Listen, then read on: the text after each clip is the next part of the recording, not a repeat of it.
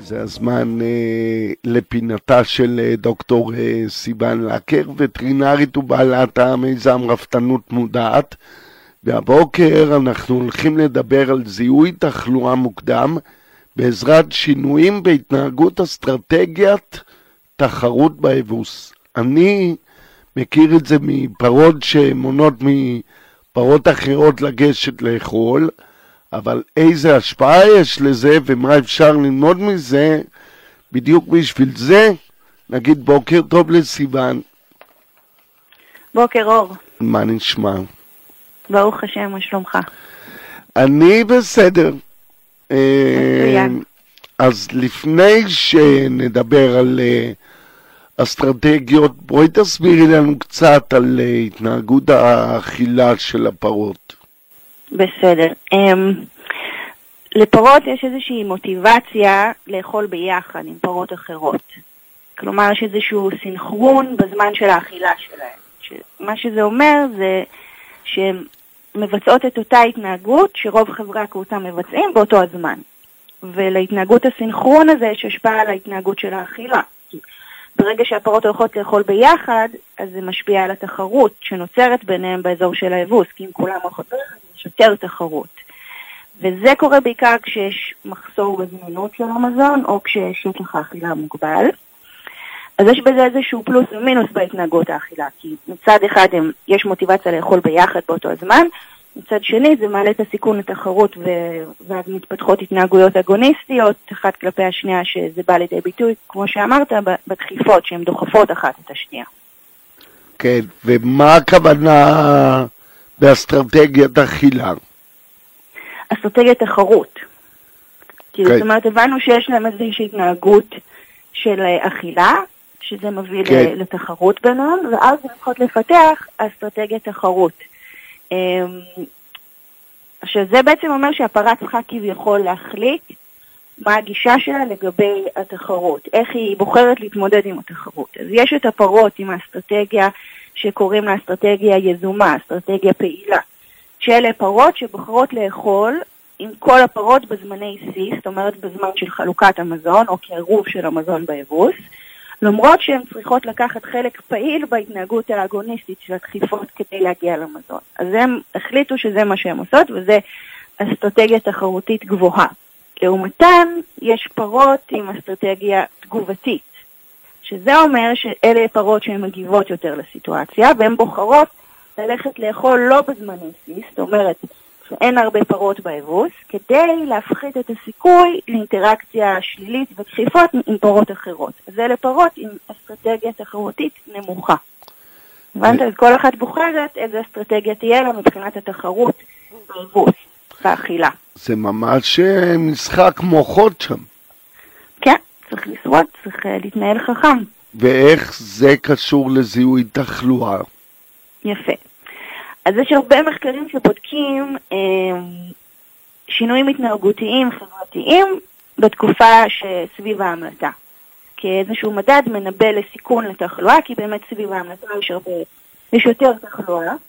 אה, עכשיו, יש מחקרים שמראים קשר בין צורת ההתמודדות של פרה במצב מלחיץ לתפקוד של המערכת החיסונית שלה. ובדיוק החודש יצא אה, מחקר שהמטרה שלו הייתה לבחון אם פרות בריאות, לעומת פרות, אם במקרה הזה הם בדקו אה, דלקת רחם, אם הן מציגות אסטרטגיה תחרות שונה, ואם האסטרטגיה הזאת, אם האסטרטגיה משתנה סביב ההמלטה, ואם זה יכול לשמש כאיזשהו מדד לאבחון מוקדם של דלקת רחם. זה מה שהמחקר הזה רצה לבדוק. ומה מה היו התוצאות שלו? אוקיי, אז זה מאוד מאוד מעניין. קודם כל, הם לא מצאו קשר ישיר בין סוג האסטרטגיה לתחלואה בדלקת רחם. זאת אומרת, זה, זה לא שאם יש לי פרה שהיא כאילו עם אסטרטגיה יזומה, שהיא אוכלת בזמן שכל הפרות אוכלות ודוחפת פרות אחרות, זה לא מהווה סממן אה, לפרה בריאה או חולה, ולהפך, פרה שנמנעת זה גם אותו דבר. מה שהם כן מצאו זה שפרות שהיה להן דלקת רחם, זה פרות ששינו את האסטרטגיה התחרות אה, באכילה שלהם יותר פעמים בהשוואה לפרות בריאות. זאת אומרת, משהו שם היה לו יציב, פעם ככה, פעם ככה. אז פרות חולות הן פחות יציבות בהתנהגות האכילה והדחיפה. והם הם ראו במחקר שהשינויים האלה בחוסר יציבות הופיעו שישה ימים לפני האבחון של הווטרינר. אז זה ממש, כאילו השינוי באסטרטגיה השתנה, הוא מהווה ממש איזשהו אה, סממן שהן לא, לא מרגישות טוב. זה ממש סממן מוקדם למשהו משהו, משהו עובר אליה. אם היא קמה פחות לאכול? בעצם? אה, לא בהכרח, זהו, זה מה שאמרתי, זה לא בהכרח שהיא כאילו, היא תלך אה, פחות מתי שכולם אוכלות, או להפך, היא תלך יותר מתי שכולם אוכלות, היא פשוט, אם היא הייתה ככה, היא פשוט משנה את האסטרטגיה, זה פחות יציב ממה שהיא הייתה פעם. כל כן. פעם היא עושה משהו אחר, היא כבר לא מתנהגת בצורה קבועה. אוקיי, אז אה, בואי אני אשאל אותך את השאלה אולי שבשבילה בעצם התכנסנו כאן. איך זה משפיע עלינו, הרפתנים? אוקיי, okay, זאת באמת השאלה הכי חשובה. אמ, איך זה משפיע על הרפתנים? אז אם אנחנו נבין את השונות באסטרטגיות התחרות החברתית, אז זה יכול לעזור לנו מבחינת הניהול של הרכב. כי אם יש לי פרות שדוחפות פרות אחרות בזמנים ש, ש, שאין הרבה פרות באבוס, אז יכול להיות שהן כל הזמן מאיימות על פרות אחרות במהלך כל היממה והן מציבות איזשהו אתגר לפרות אחרות. אמ, שהם ישנו את הזמני האכילה שלהם, זאת אומרת, הפרות שדוחפים אותם כל הזמן יימנעו מלהגיע לאבוס בגלל הפרות האלה.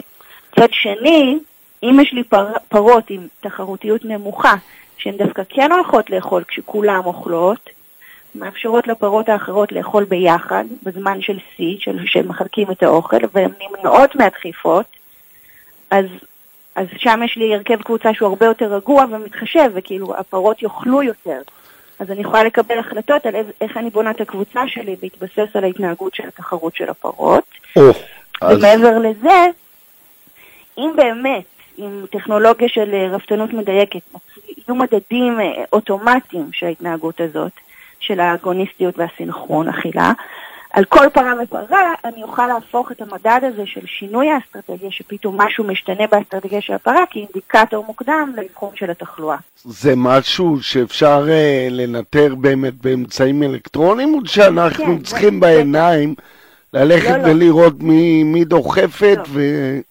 לא, כבר ממזמן אנחנו לא מתצפתים נכון. כמו פעם, אבל...